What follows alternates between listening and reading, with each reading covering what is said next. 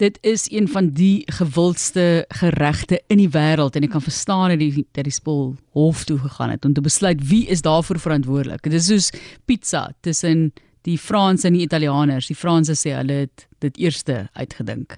Hulle struil daaroor vir baie jare, maar goed.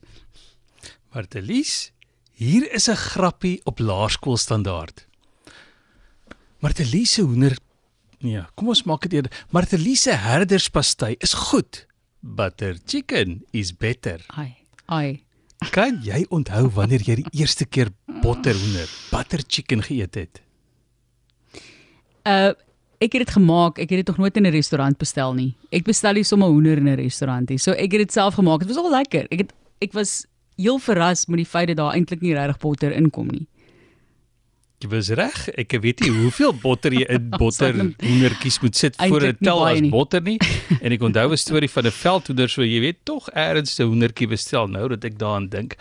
Maar Martelies, mense moet weet wanneer hulle die eerste keer botterhoender geëet het. Dit maak saak. Dit maak hofsaak. In Indië is daar twee restaurantgroepe wat beide aanspraak maak daarop dat die oorspronklike botterhoender resep deel van hul herkoms is. Dis nie net vir hoender, tamatie en botter of room saamgooi, tandoorspesery en daar's hy nie.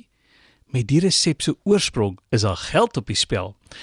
Die restaurantgroep wat hof toe is sê, hul stigter het die dis al gemaak nog voor die partisie van Indië, die verdeling van Indië en Pakistan in 1947. Dit is glo in die 1930s in die stad Peshawar gemaak. 'n stad wat nou in Pakistan is, maar toe deel van Indië. Die restaurant het toe in 1947 Delhi toe geskuif. Die restaurantgroep in die beskuldigde bank het in 2019 ontstaan. 'n Lid van hulle stigtersfamilie het glo saam met die Klaars die Delhi restaurant in 1947 oopgemaak en daardie resep ontwikkel. In Indië is die botterhoender storie op almal se lippe op TV, op sosiale media. Skadevergoeding van meer as 4 en 'n half miljoen rand is hier ter sprake. Oor die resep se oorsprong en ander ooreenkomste tussen die twee restaurantgroepe. Dit kan egter deurslaggewend wees as mense kan getuig wanneer en waar hulle potterhoender geëet het. Myne was so wat 20 jaar gelede by die Eastern Food Bazaar langs die parade in Kaapstad. My vaargetuienis sal tel. Hulle kyk meer na rowweg 90 jaar gelede in Peshawar in die nou Pakistan of eers 77 jaar gelede in Delhi. So interessant. Het jy dit al geëet? Dis 'n groot soos ek sê gunsteling vir mense wêreldwyd, maar ja, daar is nie eintlik vreeslik botter in nie. Daar's 'n bietjie ghee wat dan nou 'n uh, vorm van botter is.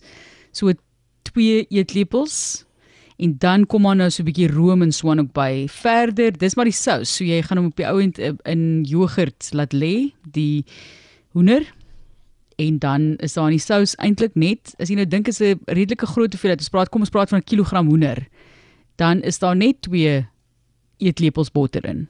So dis eintlik nie. Ek verstaan nog steeds nie waar die term botterhoender vandaan kom nie. Dis my nogal interessant.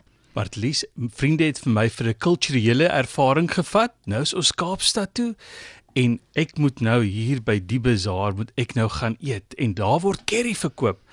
En hulle kom daar in en hulle sê vir my luister, ek gaan vir daai ene want hy brand nie. Nou ek hou van brandkos.